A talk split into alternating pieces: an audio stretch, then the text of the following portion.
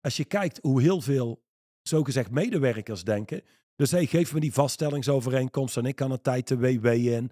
Eh, het is natuurlijk een hele zwakke manier van kijken, want het, is, het roept, zorg voor me. Ja. Zorg voor me. Ja. Maar de bottom line is, als jij niet goed zorgt voor jezelf, heb je echt een probleem in dit leven. Welkom bij de Straight Line Podcast. De leiderschapsdialoog met diepgang en inhoud. Iedere week opnieuw een eerlijk gesprek over radicaal effectief leiderschap in turbulente tijden. En over winnen in het leven. Welkom bij de Straight Line Podcast met Mandy en Johan van der Put.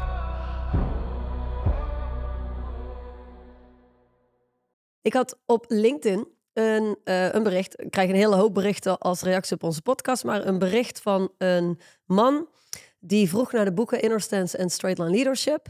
Eh, die vertelde over de podcast. En die zei eigenlijk wat jij net ook vertelde eh, toen we elkaar eerder spraken.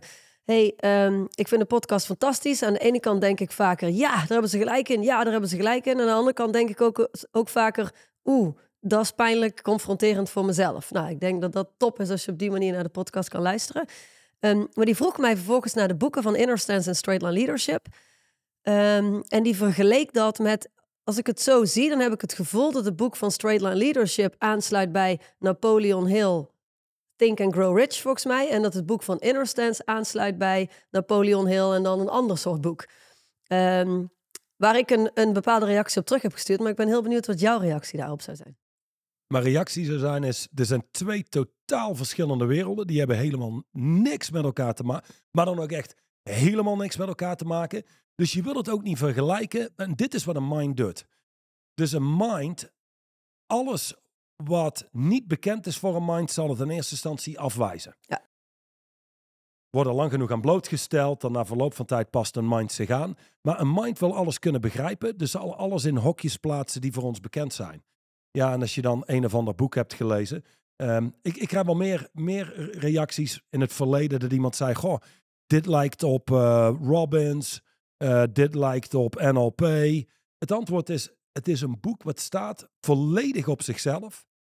Waarbij als je het volledig nieuw kunt lezen en niet vergelijkt met iets wat je gedaan hebt, dan komt het waarschijnlijk op zo'n manier binnen dat je er echt iets mee kunt creëren. Ja. Ehm, maar gewoon met een mind wat dingen vergelijken in je hoofd, ja, dat is ook geen effectieve manier van het beluisteren. Ehm, en, en, het is logisch dat het gebeurt, zoals je zelf al aangeeft. Want dat is wat de mind doet. Mijn reactie inderdaad ehm, richting die, ehm, die vriendelijke man was... dat naar mijn mening de boeken, zowel Inner Stance als Line Leadership... volledig op zichzelf staan. Die zijn inderdaad niet te vergelijken met andere boeken. Wat maakt deze boeken nu werkelijk zo uniek? En het werk wat wij doen met Straight Line Leadership en Inner Stance... is dat al die briljante theorieën die mensen in hun hoofd hebben... vanuit al die andere briljante boeken...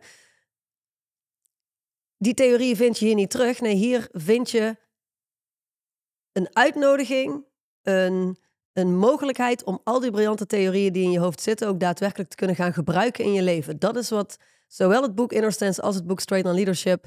eh, voor je kunnen betekenen als je inderdaad in staat bent om het nieuw te lezen. Ja, en Ja. De, de focus ligt op implementatie. Tools Exact. om te implementeren. Ehm, nou, ik heb best wel wat gelezen in mijn leven. Ehm, een hele hoop wat hiermee te maken heeft. Wat in de kern één van de grote verschillen is. Er zijn een aantal grote verschillen, maar dit, dit is, ik denk, dit, ik zal de twee belangrijkste eruit halen. Enerzijds, eigenlijk ieder boek wat geschreven wordt, gaat uit van een soort ware ik een baseline waar je vandaan komt. Een blauwdruk waar je vandaan komt. Eh, Gewoon een bepaalde manier waarmee je nou eenmaal geboren bent. En dat is ja, exact. Nou, ja, idealiter hoe je door het leven precies. loopt. Nou, Mhm. Eigenlijk alle coachingsopleidingen gaan daarvan uit. En bijna alles gaat over verbetering. Of ik creëer een 2.0 versie van mezelf. Ja, dan gaat ervan uit dat er een oude versie op is waar je op voortborduurt. Ehm, en, en Straight Line Leadership is één van de weinige boeken die ingaat op nee, er is niet een ware ik. Er is niet een echte ik. Er is wel een geprogrammeerde ik, hoe je geworden bent. Creëerde. Ja. A default way of being. En dat is niet wie je bent. Dat is wat je bent. En die kun je compleet vervangen door iets nieuws. Een nieuwe inner stance. En, en dit, dit is waarom ik weet onze podcast wordt beluisterd, waar de meeste mensen het naar terugbrengen, is toch hun eigen persoonlijkheid die ze willen verbeteren. Ja. En verbeteren wil zeggen, we kijken naar het verleden, onze behaalde resultaten, wie we zijn geweest. Die we tot nu toe zijn geweest. Ja. Dat, dat doen we dan beter. In andere woorden, in het hier en nu neem je het verleden mee. En daarmee in de toekomst creëer je meer van hetzelfde. Mhm. Ehm, dat is waar mensen zichzelf meer in de vingers snijden. Dan heb je het tweede, de stem in je hoofd die zegt, ja, maar er is wel een echte ik. Of ja, maar het is nog niet zo makkelijk om dit te doen. Nou, dat is een interne werelddialoog. Die heeft maar, het heeft twee functies, laat ik het zo zeggen. Ehm, maar de belangrijkste functie in coaching is ehm, een interne werelddialoog. Wil je houden wie je in de kern denkt te zijn? Daar wil je houden. Dus dan lijkt het ook alsof er een echte ik is, maar er is meer een conversatie die steeds opnieuw en opnieuw oplegt wie je op een diep level denkt te zijn. Ja, met de, met de nadruk op denkt te zijn. Niet, Zeker, niet wie je op een diep level bent, maar, maar wie je op... te zijn. Exact. Ja, en, nou, en daar cirkelen mensen steeds naar terug. Dus toen ik laatst ook zei, stel we hebben een één op één cliënt die een aantal jaar met ons werkt en 800.000 euro geïnvesteerd heeft. Dit is waarschijnlijk iemand die daar 18 miljoen euro mee heeft weten te creëren. Ja, die pakken op een diep level überhaupt deze twee dingen. Eén, ik heb totaal controle over mijn eigen inner stance, mijn eigen manier van zijn. Die staat los van omstandigheden, situaties en noem maar En, op. en los van de gedachten en gevoelens in mijn Nou ja, en dan, dan de tweede is, eh, zeg maar, ik, ik zie en ervaar en kan dealen met mijn eigen interne werelddialoog, die voor het grootste deel onzichtbaar is. Dus coaching hou- houdt in dat je mensen daar bewust van maakt, daarmee in contact brengt, dat ze het kunnen opmerken, kunnen verstoren. Dus er niet in meegaan. En bewust een echt gecreëerde inner stance op het speelveld zetten. Dat maakt het boek distinct anders. Ehm, ik heb Think and Grow Rich ooit gelezen. Ik denk niet heel veel van dat boek, moet ik heel eerlijk zeggen, maar ieder zijn ding. Maar het heeft op geen enkele manier iets te maken met wat hier staat. Alhoewel, hier staat ook een verklaring in, maar niet als een soort mantra of zo, weet je wel. Wat dingen erger maakt. Zie het als, je hebt iemand met overgewicht en die heeft de mantra, ik ben blij nu ik slank en atletisch ben. Ik ben blij nu ik slank en atletisch ben. En de stem in je hoofd zegt na verloop van tijd toch alleen maar. Je bent dik. Wat, wat een onzin. Je bent, bent gewoon dik en lui. La- Laten we heel eerlijk zijn, precies. Ja. Dik en lui. Ja. Ehm, dus het is geen mantra, het is een verklaring. Wat iets distinct anders is. Maar verder, ik zie, ik zie oprecht geen overeenkomsten. Het, het staat op zichzelf en zo wil je het ook benaderen. En wat je net in het begin al zei, ik begrijp wel dat mensen zoeken naar overeenkomsten, want mensen willen het ergens plaatsen. Het brein wil het ergens plaatsen in een hokje, dus het is wel heel logisch dat het gebeurt. Ja. Ehm, belangrijk is dat deze twee boeken en het werk van Straight Line Leadership gefocust is op implementatie. En we leven in een tijd waarin mensen denken dat als je resultaat wil of succes wil behalen of een, een, een nieuw leven wil creëren, dat er een of andere geheime sleutel is. Hè? Dat, dat is wat eh, eh, zulke boeken natuurlijk weergeven, of veel boeken weergeven. Een speciale theorie en als je die theorie hanteert, dan, is het, dan heb je een hele snelle weg naar succes. Ja. Maar bottom line is, dat is wat Straight Line Leadership brengt als je het mij vraagt, ehm, gewoon een reality check. In, in de basis is in het leven nog nooit anders geweest. Je doet werk en voor het werk heb je resultaat. En of je dat werk nou doet terwijl je er zin in hebt of geen zin in hebt, of passie voelt of geen passie voelt, het doet er allemaal niet toe. Want je doet het werk en er is resultaat. Maar er is geen shortcut. Er is geen speciale magische formule die je kunt hanteren, waardoor je eh, het doen van het werk en midden in de hassel zitten, waardoor je dat over kan slaan. Ja. Ja. Was toch Duchan die laatst op het vliegveld was, aangesproken werd door iemand die hem herkende. En die zei, "Je- jij bent die coach. Ik, ik moet met jou gaan werken. En, en Duchan zo, welke coach? Du- Dusan Dukic. Ik heb gehoord dat jij iemand bent die eh, mensen hun hele leven kan transformeren met vier uur per week werk. Wa- waarop Duchan ook zei, ik ken niemand die vier uur per week werkt. Eh, ik werk zelf van 's morgens vroeg tot diep in de nacht. Dus je moet niet bij mij zijn voor een of andere life hack, eh, a easy way Precies. out of zoiets. Ehm, het, het past heel erg bij de huidige generatie. En terwijl ik het zeg, denk ik, het is denk ik iets van alle tijden. We willen wel resultaat. We willen er eigenlijk heel weinig tot niks voor doen. En, en tuurlijk is dan het heel interessant om te kijken naar magische oplossingen. Zoals de Logisch. magische afslankpillen, noem maar op. Ehm, in de kern, als het gaat om straight line leadership, dan gaat het over radicale effectiviteit en, en wat werkt. Dan kijk je naar resultaat. Wat veroorzaakt resultaat? Is actie. Niet iedere actie. Kernacties. Noodzakelijk vereiste acties. En je zult jezelf moeten bouwen als iemand die dat doet. Nou, we hadden het al over een mind. Een mind wil alles in hokjes plaatsen. Dus ook het boek Straight Line Leadership. Oh, het is dit. Oh, het is dat. Daar doe je jezelf heel erg tekort mee. Maar een mind maakt dingen ook heel complex. Een van de dingen in coaching wat, denk ik, iets complex kan maken, is je hebt te werken met mensen. De structuur voor prestaties is zeer simpel, maar een mind maakt het altijd complexer. En sterker nog, een mind kan zeggen, ja, maar het is niet zo simpel. Precies. En om het zo simpel te houden is denk ik de eerste uitdaging. Ehm, en dan zie je dat terug in zo'n hang naar informatie. Goh, mijn leven zou een stuk beter werken. Als ik nou die informatie heb, dan werkt mijn leven. Dan krijg je dat, die honger naar meer informatie in die cirkel. Ik kom echt in actie als ik die informatie heb. En het andere is de hang naar comfort. En dus ook de hang naar ho- hoe kan ik een heel hoop resultaat hebben. Zonder Zo, zo weinig mogelijk te doen. Ja, zonder eigenlijk al Ja. dat discomfort. Ja, precies. Nou, dat brengt ons Mag ik één meteen... ding zeggen nog erop? Ja, dat mag jij. En daar komt ook voort de hele gedachtegang. Weet je, geef nou gas als je 20 bent. Bouw je bedrijf uit als je 30 bent. Dan kun je met pensioen als je 40 bent.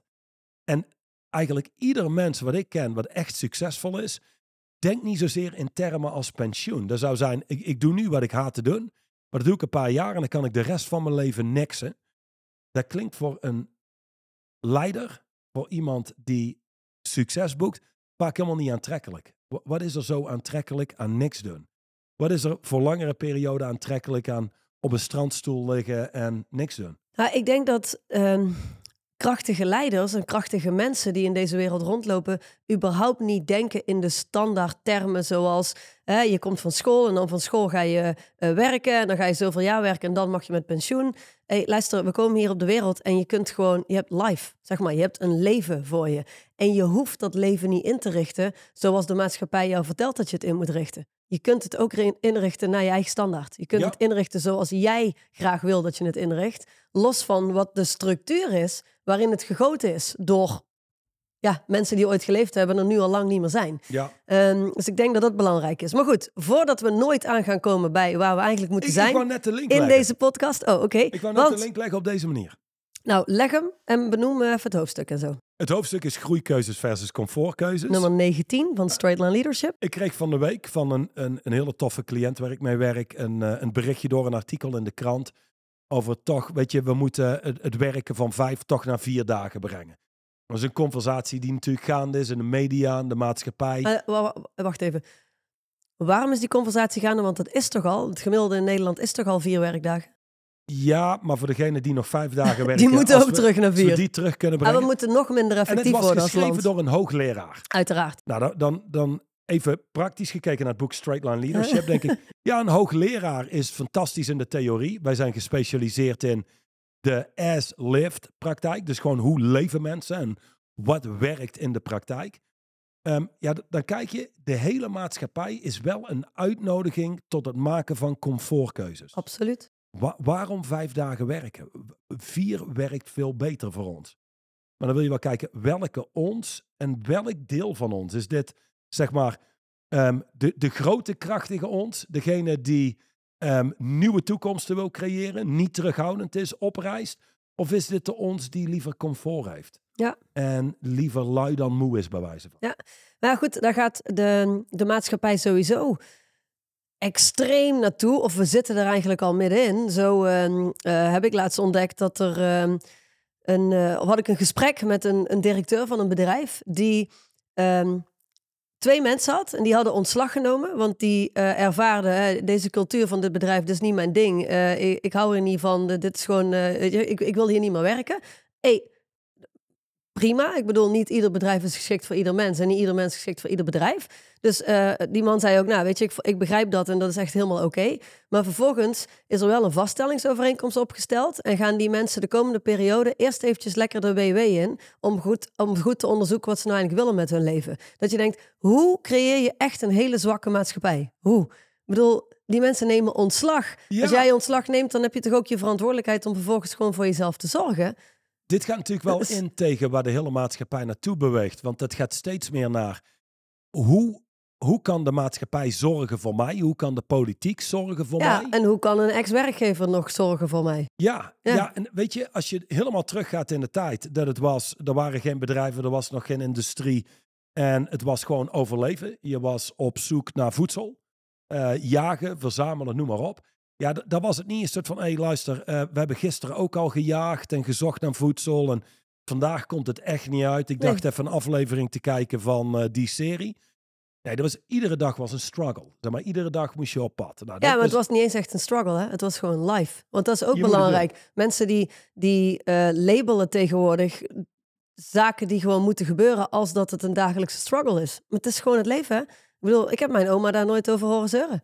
Ik heb mijn moeder er ook nooit over horen Nee, dat is waar. Maar jouw oma komt uit een hele andere generatie en heeft Mhm. de oorlog nog meegemaakt. Dus en Ja. een hele andere context. Zijn wat dat betreft veel harder voor zichzelf. Mhm. Waardoor het leven makkelijker is voor je. Maar het is waar. Hé, luister, ik, ik spreek natuurlijk niks anders als ondernemers dag in dag uit. Als je kijkt hoe heel veel zogezegd medewerkers denken. Dus hey, geef me die vaststellingsovereenkomst en ik kan een tijd de WW in. Eh, het is natuurlijk een hele zwakke manier van kijken. Want het, is, het roept, zorg voor me. Ja. Zorg voor me. Ja. Maar de bottom line is, als jij niet goed zorgt voor jezelf, heb je echt een probleem in dit leven. Ja, e- en eh, wij als land natuurlijk ook als steeds meer van zulke mensen komen. Want uiteindelijk moet het wel allemaal bekostigd worden. En dat hele, de staat die voor je zorgt, is wel bedoeld voor mensen die niet voor zichzelf kunnen zorgen. Voor mensen die ehm, ziek zijn. Of voor mensen die eh, oud zijn, een bepaalde leeftijd hebben, waarop het is, hé hey, luister, laten, we, laten wij als land zijnde zorgen voor mensen vanaf die leeftijd. De- Ja. de, de gedachte is nooit geweest, we gaan zorgen voor iedereen die denkt, weet je, ik ga even een paar maanden lekker thuis zitten, want dat kan namelijk in deze staat. En vanuit daar ga ik kijken wat ik wil doen met mijn leven. De, Ja. de, de, de, de- Het, want het, het idee van gaat goh, gewoon niet? nu heel even niet en laat ik mijn leven even op hold zetten, is iets van deze tijd. Maar Ja. realistisch gezien kan het niet, want het leven gaat door. Dat brengt me op het volgende. Eh, Een aantal jaar geleden, Christophe en ik, hè, onze collega, ehm, de meesten die luisteren zullen hem wel of niet kennen, Christophe Kuppes. En ehm, wij zijn klaar met een live dag, wij zijn vroeg klaar, Eh, we hadden niks gepland, normaal werken we daarna. Ik denk dat jij weg was of zo. Zei hij, hey, we kunnen een paar oude bekenden op gaan zoeken vanuit het verleden. Onderweg van Eindhoven naar huis komen we een stuk of zeven mensen tegen. We hebben tijd. Waarom niet? Oké, fine. L- laten we dat doen. En, ehm, en wij komen aan bij een van zijn oude vrienden die hij kent vanuit vroeger. Hele leuke gast. eh, ehm, was, was ooit zeer gedreven kerel, weet je wel. Ehm was in op vroeger met sport en ha- had een idee van goede baan en noem maar op. Nou, uiteindelijk, ik, ik weet niet waar hij werkt. Maar ik weet wel dat hij niet meer wilde werken waar hij werkte. En hij was vooral bezig met kunst. En hij kon wel echt goed schilderen. Nou, dat was natuurlijk een beetje zo'n artistieke jongen geworden. Zag er heel anders uit dan in het verleden. En wij zitten zo aan tafel en we zijn aan het spreken. En die haalt in één keer dit aan. En zegt hij, ja, ah, de laatste tijd denk ik toch veel meer. Waarom hebben we hier in België niet gewoon een basisinkomen? Gewoon, want dat betekent, je kunt gewoon leven van de basisinkomen. En alles wat je meer wil doen, doe je dan meer. En ik keek hem aan en nogmaals, ik ken hem hè, enigszins. Mhm. Ik keek hem aan en ik zei, wow, waar de fuck is jouw levensenergie eigenlijk gebleven? Hoor je eigenlijk wat je zelf zegt? En hij schrok een beetje, want ja, er zijn hele, hele wereld om hem heen ondersteunt min of meer die gedachte. Ja, weet- dat, dat iemand die ja. niet nadenkt zal zeggen, oh ja, ja dat is een prima, prima, prima optie zijn. Maar dat is, ja, dat is het, het gros van de maatschappij natuurlijk. En toen zei ik, maar even tussendoor. Wie betaalt dat basisinkomen? Zeg ik, ja, dat komt vanuit de politiek, eh, vanuit de, gewoon de maatschappij. Zeg maar, maar geld komt toch ergens vandaan? Weet je, dat komt vanuit productieve mensen. Dus wie gaan dit betalen? En we hebben daar een gesprek over van een half uur. En hij komt dan toch tot de conclusie, ja, dat basisinkomen, ja, eigenlijk gaat dat niet. Ja, dat gaat wel, maar dat betekent de productieve mensen moeten dit betalen. En dan heb je dus een productieve groep en een niet-productieve groep. En die leeft eigenlijk volledig vanuit de mensen die produceren. Ja, het is, mensen denken niet meer kritisch na als, je, als, als, als, ehm, als ze niet opletten. En dan ga je mee met de meest idiote gedachten en het verzwakt je. Het letterlijk, het verzwakt je. Omdat je als mens zijnde niet voor jezelf zorgt. Je, je bent afhankelijk van iets of iemand die ervoor zorgt dat jij jouw leven kan blijven voortzetten. Nou goed, om te voorkomen dat we dit gesprek blijven voortzetten in plaats van waar we naartoe gaan, gaan we even terug naar. Hey, maar, eh, luister, dit, dit groei- zou zijn, je hebt twee opties om het meteen concreet te Precies. maken. Kies je voor een basisinkomen of kies je voor een wereld waarin je zelf moet produceren? Mijn antwoord zal altijd zijn, let op hè, want dit is wel belangrijk. Een deel in me zou zeggen, oeh, dat basisinkomen is wel, wel comfortabel. Maar dat betekent dat, stel ik zou een keer eh, geen zin hebben, eh, dan kan ik uitchecken, maar ik heb wel geld. ligt wel aan de hoogte van het basisinkomen. Ja, als er te veel mensen zijn die dat willen, dan wordt het basisinkomen heel, Heel laag laag, ja. en de problemen heel groot. Ehm, maar laat ik zo zeggen, het krachtige deel in je, het owner deel in je, zal altijd willen kiezen voor, hey, I can take care of my myself. gas. Ik regel het zelf. Exact. Het is eigenlijk een belediging dat er voor me gezorgd moet worden. Ik ben geen fucking acht. Ik ben geen twaalf. En er is ook niks mis met me. Ja, ja. Ja. precies. Ik, er er zijn een aantal doelgroepen waarvoor gezorgd moeten worden. Ouderen, dus het is goed dat we dat doen. Kleine kinderen, jongeren Ja. en, en mensen met een handicap. Ja, Ja. een ziekte. Ja, Precies. En zwakheid is geen handicap. Nee, dat is een keuze. keus. Precies. Dus, hey, al de andere rest is meer... Doe wat goed is voor je en werk. Reis op. Doe iets. Kom op, man. Je bent iemand die kan creëren. Waar de hel hebben we... En hoe langer we dit gesprek voeren en hoe meer ik kijk naar de maatschappij, hoe meer ik denk... Wanneer heeft dit eigenlijk kunnen Hoe, gebeuren? ja, hoe zijn we hier terechtgekomen? Ik denk, ik denk dat het belangrijk is om in ieder geval vanuit mijzelf te benadrukken. Het, het is niet zo dat ik hier zit, want zo kan misschien wel lijken, eh, oordelend over al die mensen in de maatschappij. Het is meer dat ik soms met, met een soort van ongeloof kijk en denk: jongens, zien jullie niet wat het effect is op jou, gewoon op jou als mens? Het gaat me nog niet eens om het effect op alle andere mensen om je heen, maar gewoon op jou als mens. Wat je zegt, als je, als je kiest voor het comfort, een basisinkomen, dan kan ik een beetje aan eh, rotzooien in mijn leven versus hey, I can take care of myself, wat de groeikeuze is. De comfortkeuze is, laat iemand maar voor mij zorgen. Het heeft zo'n ongelofelijke impact op waar je uiteindelijk eindigt in het leven en wie je wordt als mens. En als je op je sterfbed ligt en je kijkt terug, dat je kan denken, goh, ik heb alles eruit gehaald wat erin zat, versus ik heb alles erin laten zitten en ik heb eigenlijk geen reet gedaan met al mijn potentieel. Zoals Duchamp zou zeggen, you will die spitting blood. Dit is een pijnlijke dood. Zeg maar, de, de Wayne, Wayne Dyer zei, don't die with the music still in you. Ja, is iets vriendelijker. Wayne Dyer heeft dit gestolen van Levi Tolstoy. Oh, is dat zijn zo? degene Oh, die, die, dat vertelde. Ja. Eh, dat is, een, dat is een, een andere manier om het te zien. Ehm, het is disrespectvol naar jezelf. L- Laten we het zo zien. dat, dat, En, en inderdaad. het is, ehm, laat ik zo zeggen, vol ongeloof kijk ik toe naar de maatschappij. Dat ik denk, wanneer is dit zo ge- gebeurd? Weet je wel, we stammen af van, weet ik veel, eh, eh, vikingen, grootzeden, mensen die de wereld de veroveren. Gouden Eeuw. Ja, je mag, ja, dat- maar dat is geen gouden eeuw meer. Nee, dat mag niet De, meer. de VOC. hey, luister, wij- zijn Nederland. Nederland Ooit waren we trots. trots, maar ook we namen de fucking wereld over. Ja. En, en nu mogen we al niet eens meer spreken over de VOC-tijd, want dat was slecht. We, we hebben zeer zwakke leiders die dat stimuleren. Ja. Het zal toch vanuit jezelf moeten komen om op te reizen. Maar waarom is het zo makkelijk als politiek zijnde om mensen te krijgen eh, in het zijn van een slachtoffer? Dat is namelijk dit. Je zou kunnen zeggen, in de kern zijn mensen lui. Ieder mens. Ja, we, we, Letterlijk, we- we ieder hebben mens. echt een groot deel in ons wat is Wat lui. graag lui is. Ja. De luiheid wordt gedreven door angst. Angst om oncomfortabel te zijn. Ja. En hoe meer je luistert naar dat deel wat comfort wil, hoe kleiner jij wordt als mens. Exact. Hoe meer je luistert naar het deel wat wil groeien, groei en expansie. En hoe meer je daar naar luistert en naar handelt, hoe groter jij wordt. En het kleine deel, zeg maar de kleine jij, om het zo maar te Mhm. zeggen, wordt kleiner en kleiner en kleiner. Zie het als eh, iemand die ehm, bekend is te spreken voor een groot publiek. Jozef Voetbalkas, een goede bekende van ons. Als je aan hem vraagt, ben je zenuwachtig als je voor zo'n zaal staat voor duizenden mensen, zou je zeggen, eh, de twee minuten voordat ik opkom, weet je wel, heb ik een aantal zaken die ik eh, ervaar, een beetje buikpijn of whatever, wat zenuwen. Maar als je vraagt de eerste paar keer, zal hij zeggen, dit was een orkest in mijn hoofd wat compleet tekeer ging. Ja. In andere woorden, train jezelf in het maken van groeikeuzes en je wordt groter en krachtiger als mens. train jezelf in het maken van comfortkeuzes en je wordt kleiner en zwakker. Nou, dit is wat je zult zien in het boek. Als jij, niks is voor altijd, dus als jij jezelf twee jaar lang opsluit in een gym en je komt daaruit met het perfecte lijf, van het moment dat je stopt met sporten, neemt dat lijf af. Het blijft niet hetzelfde. Wat wij stop, het universum, de wereld om ons heen, kent twee bewegingen. Groei en expansie of krimp en contractie. Stilstand bestaat niet en dan is er altijd een of andere ass.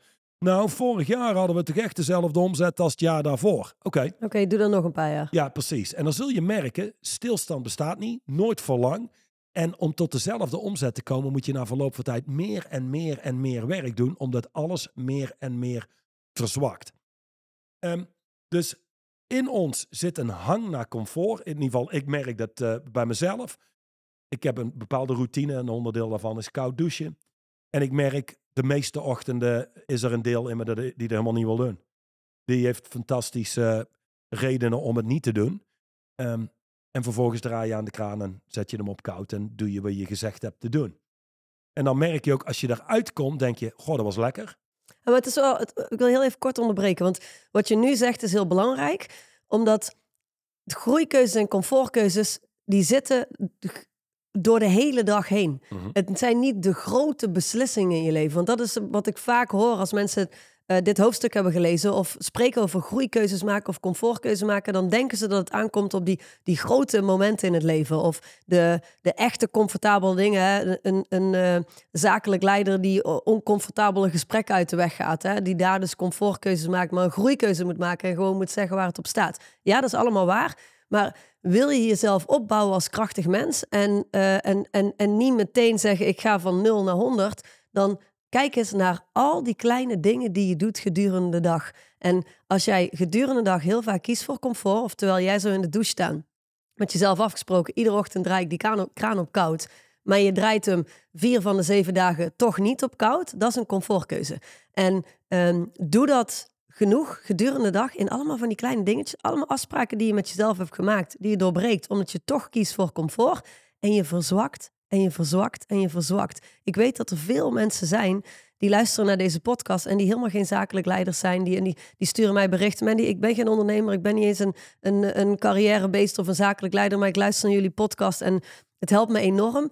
En dit is echt iets wat geldt voor en die grootzakelijk leider en ieder ander die luistert naar deze podcast. Focus op de kleine keuzes gedurende de dag en kijk daar, waar zit groei, waar zit comfort. En iedere keer dat je voor groei kiest, word je groter en krachtiger. Iedere keer als je voor comfort kiest, word je kleiner. Het ding is alleen... Sterf je zelfs als mens. Ja, en het, het ding is, het, het, het effect daarvan is iedere keer als je voor groei kiest, wordt je leven lichter en comfortabeler. Iedere keer als je voor comfort kiest, wordt je leven zwaarder en oncomfortabeler. Ik zie jou dat kijken. is de grote Heb je daar een voorbeeld van, Johan? Maar natuurlijk, Mandy. Dus als jij ondernemers hebt die het, het hele jaar door met name comfort kiezen.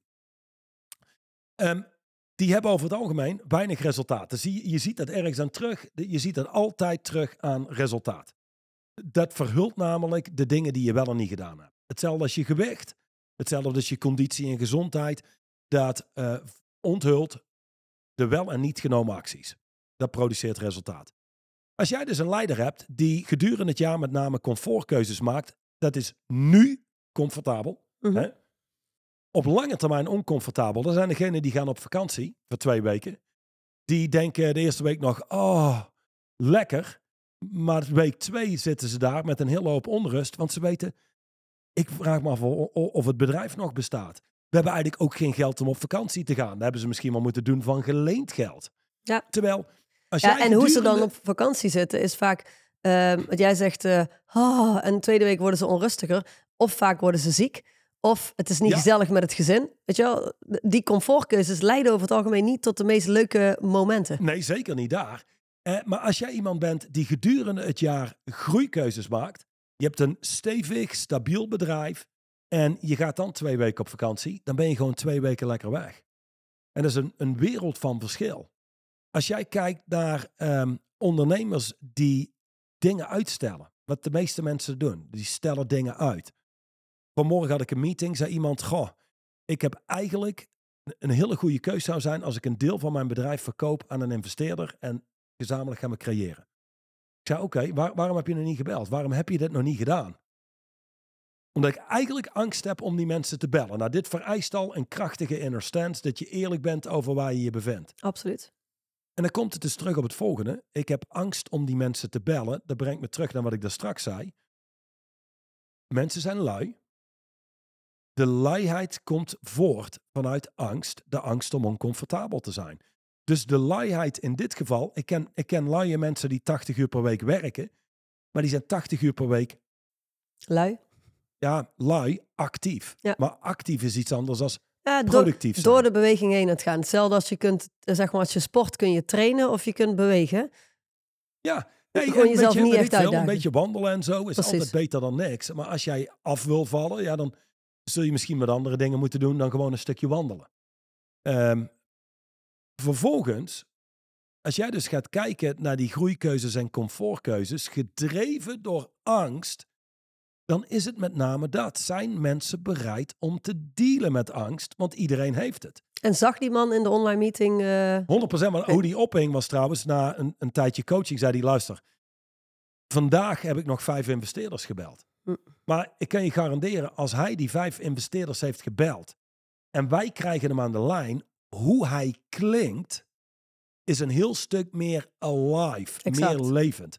Het grote probleem is denk ik ook dat mensen denken, ja maar ja, ik ben gewoon nou niet iemand die groeikeuzes maakt. Eh, ik, ik ben nou iemand, iemand die meer moeite heeft om. Maar de bottom line is dat, echt. De, de meest succesvolle mensen waar ik mee gewerkt heb, of werk, ook zij hebben angst. Zij zijn alleen heel goed in staat om met angst te gaan handelen. En ik weet niet welke ondernemer het ooit zei, maar die zei ooit, weet je, fear is basically pissing in your own pants. And a growth choice would be moving your life forward with wet pants. Dat is misschien wel de, de kern van dit hoofdstuk. Je doet dat waar je angst voor hebt, doe je zonder er vanaf te willen komen. Dan maakt het erger. Het brengt je in je hoofd. Na verloop van tijd kom je er ook niet meer uit. Nou, dat is belangrijk wat je daar zegt. Namelijk, laat je leiden door je angsten. En je angsten worden ook alleen maar groter. Mensen die ik in mijn leven ontmoet heb, die eh, non-stop kiezen voor comfort. En die constant die, die, die oncomfortabele dingen uit de weg gaan. Die bepaalde beslissingen niet maken, die zich laten leiden door alle angst. Door, ja, maar kan ik daar wel op vertrouwen? Kan ik daar wel op bouwen? Zijn vaak heel wantrouwende mensen Ja. ook. Ehm, als je die spreekt en je gaat er echt een beetje mee de diepte in, dan schrik je je kapot voor hoeveel dingen in het leven die mensen bang zijn. Maar echt, die zijn bang voor bijna alles. Die lopen standaard rond met angst. En ik denk dat in onze maatschappij stiekem meer mensen rondlopen met een constante angst. Zo'n constant, zoals Matthias in onze podcast zei, zo'n constant gevoel van eh, er- is iets mis, er is iets niet goed, maar ik kan de vinger er niet op leggen dan dat wij wellicht denken. Ja, en, en daaronder die doelgroep valt ook de doelgroep met een hoop spiermassa. ehm, een grote Ja, aan de mond, buitenkant de, Robocop Ja, zijn. de echte warriors, weet je wel. Ja. De warrior, de warrior-beweging wordt steeds groter. Ja. En er zijn eigenlijk gewoon poesies in een groot, groot lichaam. Dat is een compensatie voor wat er niet is. precies. Dus ze komen in meerdere vormen en maten. ja, en, en, en, het besef moet het wordt steeds groter. De angst waar. wordt steeds maar let groter. op, het ding is dit. Uiteindelijk komen ze erachter. Iedereen heeft angst. Iedereen heeft angst. Het is de bereidheid met angst om te gaan. En dat betekent dus, denk aan de volgende uitspraak. Do the thing and you shall have the power.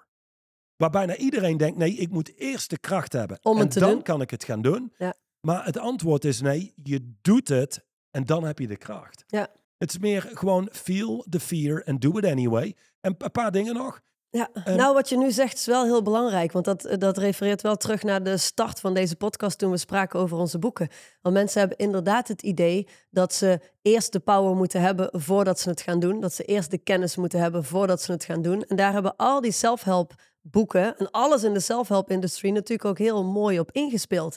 Die blijven je maar eh, voeden met het idee dat er nog iets is wat je moet weten, moet doen, eh, moet genereren in jezelf, voordat je in actie kunt komen. Dat is de, de, de, de, ja, de grootste leugen waar onze maatschappij on, onderhand van onder invloed is. Ja, en de, de, de grootste leugen zou zijn dat er eerst iets moet gebeuren voordat er iets kan gebeuren. Ja, En als jij kijkt op Amazon, dit is een jaar of tien geleden heb ik daarnaar gekeken, er waren er meer dan 130.000 boeken te koop die iets te maken hadden met het geheim in business of het geheim in sales.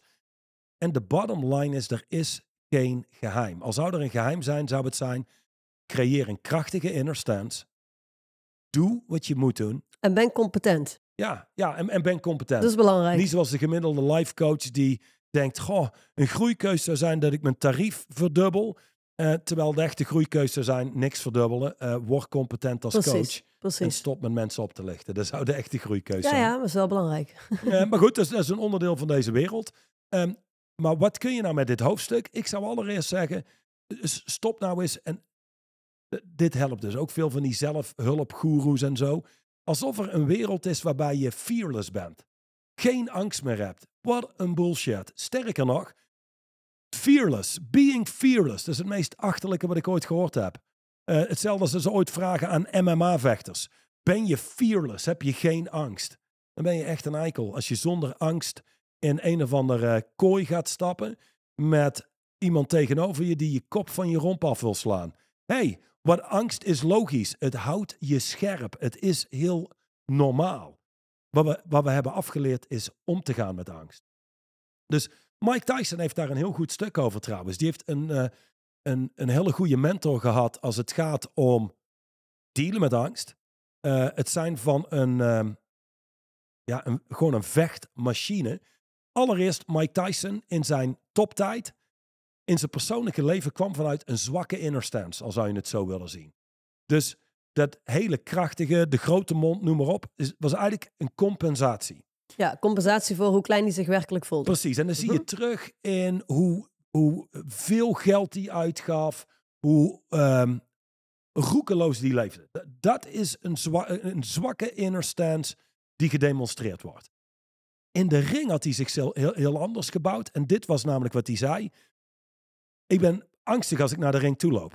Weet je wel? But as soon as I am in the ring, I am a god. En dat is de inner waar die vandaan kwam. Zie het als een, een vechtgod. A warrior god. Dan was er niemand beter of groter dan hij. Maar al die tijd, die, die leefde met angst. Sterker nog, hij had de angst dat hij vernederd zou worden in de ring. Hij had de angst dat hij zou falen, had de angst dat hij zou verliezen. Hij gebruikte die angst als katalysator om te trainen. Noodzakelijk vereiste acties te doen. Dus, en die zei, luister, die angst is eigenlijk een soort waakvlam. Die waakvlam kun je vergroten tot echt een vuur. Weet je, en als je dat vuur kunt leiden, en dat betekent het wordt niet groter dan jij, ja, dan, dan heb je een hele krachtige tool tot je beschikking. Angst houdt je scherp. Als ik de eerste keer op een podium moest gaan staan, had ik de angst, wat als ik voor lul sta? Wat als ik niet uit mijn woorden kom? Dat heb ik gebruikt om te zorgen dat ik goed voorbereid ben.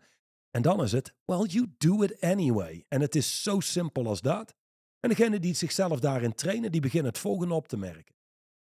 De angst in mezelf wordt kleiner. Hij zal, het zal waarschijnlijk nooit weggaan, althans dat is nooit het idee. Niet. Het wordt kleiner. Ik kan er effectiever en makkelijker mee omgaan. Maar ik weet het niet. Maar ik kan er niet de vinger op leggen. Maar ik als mens word groter. Ik denk dat dat het is. Ik denk, ik denk persoonlijk dat de angst niet eens kleiner wordt. Als je nu eh, luistert naar jouw verhaal van Mike Tyson, die zegt: Het is zo'n klein waakvlammetje en het wordt een vuur. Het idee is alleen dat vuur moet niet groter worden dan jij, maar jij bent groter dan het vuur en jij kan dat vuur gebruiken, inzetten.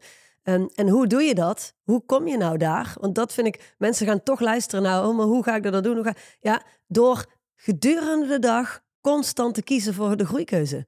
Want daar zit het hem wel in. Ik heb eh, vorige week of de week daarvoor een online meeting gehad voor een groep. ehm, eh, een heel gemêleerde groep. Een deel managers, een deel eh, micro-ondernemers, freelancers, noem maar op. Ehm, en tegen hun heb ik ook gezegd: hé, hey, luister, ik ben opgevoed met veel trots door mijn vader en mijn moeder natuurlijk. Mijn vader, 40 jaar voor Defensie gewerkt, een echte militair. Bij ons was het heel logisch dat je ochtends opstond als de wekker ging. Niet snoesde, er was niet eens een snoesbutton. Je stond gewoon op als de wekker ging. Eh, en, je, en je dekte je bed op. Dat was gewoon dat, dat, dat was een, een logisch onderdeel van de dag. Eh, dat is bij Defensie ook zo. Hè? De, de veters moeten gestrikt zijn, de pakken moeten perfect, of de, de, de uniformen moeten allemaal perfect gestreken zijn.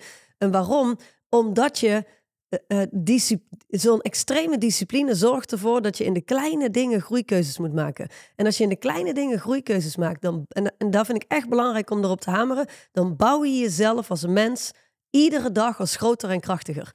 En dit wat jij zegt, dat, dat ehm, als jij kijkt naar echte militairen, binnen die context bij Defensie, ehm stuur ze naar Afghanistan, stuur ze naar ehm, Somalië en waar je vader ook allemaal is geweest. En luister, dat is, dat is op leven en dood. En die maken krachtige beslissingen, zijn over het algemeen krachtige mensen. En het grappige is, haal ze uit een militaire context en plaats ze in de zakelijke wereld. En dan kan het zijn dat hoe je jezelf daar gebouwd hebt, compleet wegvalt in de zakelijke wereld. Ja. Dus de kracht die we aan één kant kunnen beschikken, zo, zo heb je sommige mensen die gaan iedere dag naar de gym. Je ziet hun buikspieren, overal aders en spieren achter hun oren en noem maar op. En dan plaats je ze in een andere context, bijvoorbeeld een, een zakelijke netwerkmeeting. En dan staan ze met een glaasje cola in de hoek te kijken als een klein bankkind, ehm, omdat ze moeite hebben om mensen aan te spreken. En hetgene wat je daar nodig hebt is awareness and choice. Dat je op begint te merken hoe je jezelf gebouwd hebt. En vanuit daar kun je kiezen wie te zijn. Nou, dan terugkomend op die groeikeuzes en comfortkeuzes. Ehm, het vereist discipline. Je hebt namelijk of nu de, de discipline om een groeikeus te maken. Mhm. Dat is één ding. Dus de pijn van discipline. Of je hebt straks de pijn van spijt. Want als je steeds kiest voor comfort, dan kijk je terug op je leven en dan denk je, ik heb eigenlijk nooit echt geleefd. Had ik maar. Ja, ik ben een slaaf geweest van mijn eigen gevoel en emoties. In plaats van dat ik zelf richting heb gegeven aan mijn leven. Ik zou, ik zou bijna wel zeggen, als je geluk hebt, eh, kom je daar nog uit. Want je hebt een, eh, tegenwoordig in de maatschappij natuurlijk mensen die zo ver in comfort zijn gegaan dat de volgende stap is heel veel weerstand hebben bij mensen die wel groeikeuzes maken. En dat is ook wat je veel ziet gebeuren. Eh, heel, veel, heel veel weerstand hebben bij mensen die krachtig door het leven lopen, eh, daar heel ongemakkelijk bij zijn, daar heel hard van weg willen.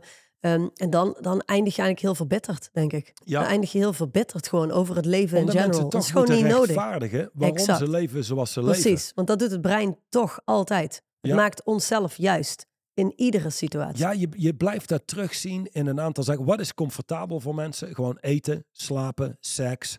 Echt de, de, zo'n beetje de basis. Ja. Eh, Zeg maar, heel gedreven door het leven gaan is voor de comfort junk echt een shock. Ja, maar En- we leven ook in een tijd waarin heel gedreven door het leven gaan ook wordt bestempeld als ongezond. Ja, Het is niet, en het is niet ambitie, goed hè, voor je ambitie mens. Hebben is echt ongezond. Dat Ja, is een precies. plaag hier op de wereld. Daar komen oorlogen van.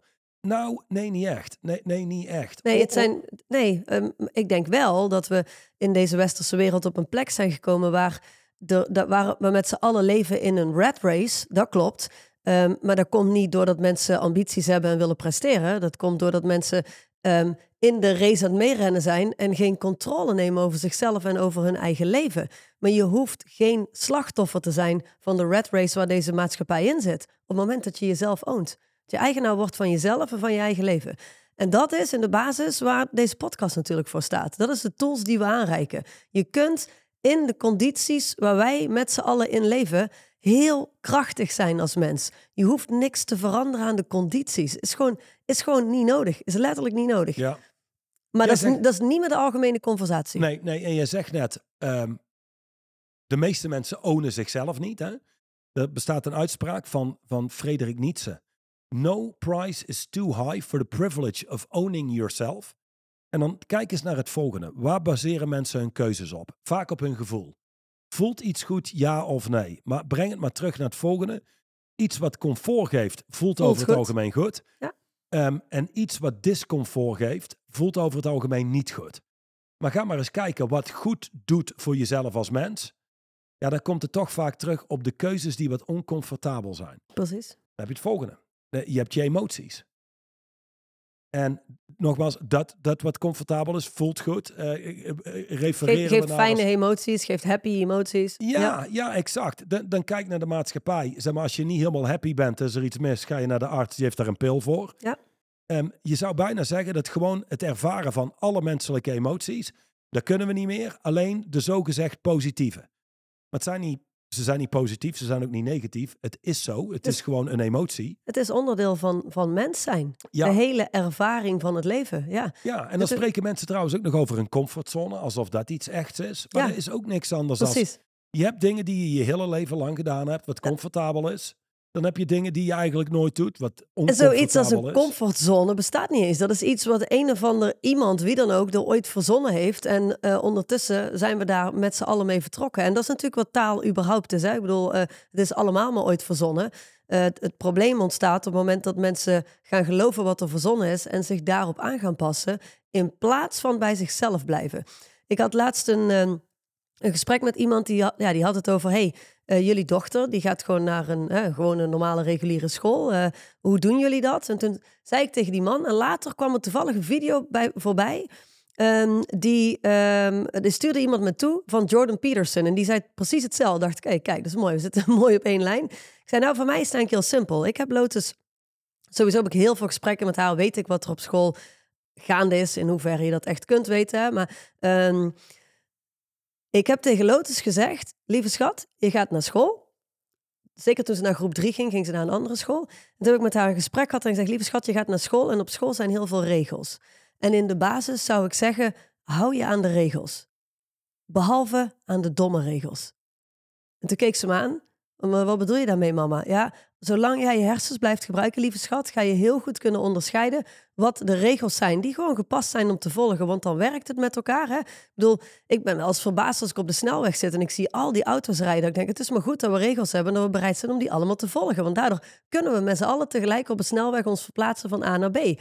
Dus er is niks mis met regels, maar er zijn te veel domme regels. En als je die gaat volgen, ja, dan stomp je af als mens. Je stopt met nadenken.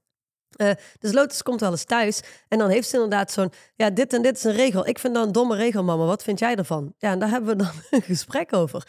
Zo kun je in ieder geval je kinderen helpen om te blijven nadenken. Ehm, en dat is natuurlijk wat, wat, wat we in deze maatschappij kwijt zijn geraakt. Mensen denken niet meer na voor zichzelf. Ze denken nee, niet na, nee, gewoon denken letterlijk wordt niet. gegeven door iets anders. Exact. En ik denk dat er in de, in de kern, ook wat Matthias aanstipt, hè, een, een aantal zaken zijn waarbij eigenlijk voor je wordt gedacht. En heeft vooral te maken met eh, immigratie, met Tuurlijk. gender, met ehm, groen, hoe noem je dat, eh, klimaat. Ja. Er zijn een aantal zaken, daar wordt voor je gedacht. En heel eerlijk, Maar er wordt nog steeds niet voor mij gedacht. Wa- Wat een, een Frederik Nietzsche bijvoorbeeld eh, daarover zou zeggen, is: Weet je, er is een heel groot verschil tussen het hebben van gedachten, gewoon de- wat de meeste mensen hebben, en actual thinking. En dat is een, een distinct verschil. En weinig mensen denken kritisch, Precies. en de meeste mensen hebben gewoon gedachten. Ja, ja en, en belangrijk is, op het moment dat je iemand bent die denkt dat hij wel kritisch denkt, kritisch denken is ook het in twijfel trekken van je eigen overtuigingen. Mhm. En van je eigen wereldbeeld. En dat waar jij heilig van overtuigd bent. Want anders ga je weer in een ander kamp zitten en ben je daarvan onder de invloed. Oké, eh, goh, ehm, Terug naar groeikeuzes en ja, daar, comfortkeuzes. hè? daar hebben we natuurlijk al, al eh, wel veel over gesproken eh, in, in de kern. Want we hebben heel goed uiteengezet wat aan de basis ligt van waarom mensen constant comfortkeuzes maken. Dat, ze, dat het gedreven wordt door angst. En eh, dat je met die angst gewoon groeikeuzes kunt maken. En gaat die angst dan ooit weg of wordt die kleiner? Waarschijnlijk niet eens. Alleen als jij groter wordt als mens, verschijnt die als kleiner. en heeft die minder invloed op je. Ja. Er staat één ding wil ik quote. daar nog over zeggen. Ja. Ehm, angst zien we eigenlijk altijd als een los iets. Nou, kijken de meeste mensen niet mee, maar die luisteren. Maar laat zeggen, eh, hier heb ik een soort conversatie. Angst. Wa- wat als ik deze beslissing neem en het pakt niet goed uit? Je zou angst ook kun- kunnen confronteren als een manier van zijn. Gewoon, ik ben iemand die angstig in de wereld staat. In plaats van iets buiten jezelf. Ja, Oké, ja. ja. En dat, dat geeft je daar veel meer controle over. Want ik kan namelijk altijd stoppen een angstig persoon te zijn en mezelf creëren als zijnde een moedig persoon. En dat betekent, een moedig persoon verkiest groei en expansie boven angst. En voor sommigen zouden nu meeluisteren en die denken, holy shit, dit opent een hele nieuwe wereld. Een deur waar ik in kan stappen of doorstap. En kan dealen met de wereld op een andere manier. En sommigen luisteren en denken, dat is een tip. Een mooie theorie. Ja, hoe je het ook pakt, ehm, doe ermee wat je ermee wil doen.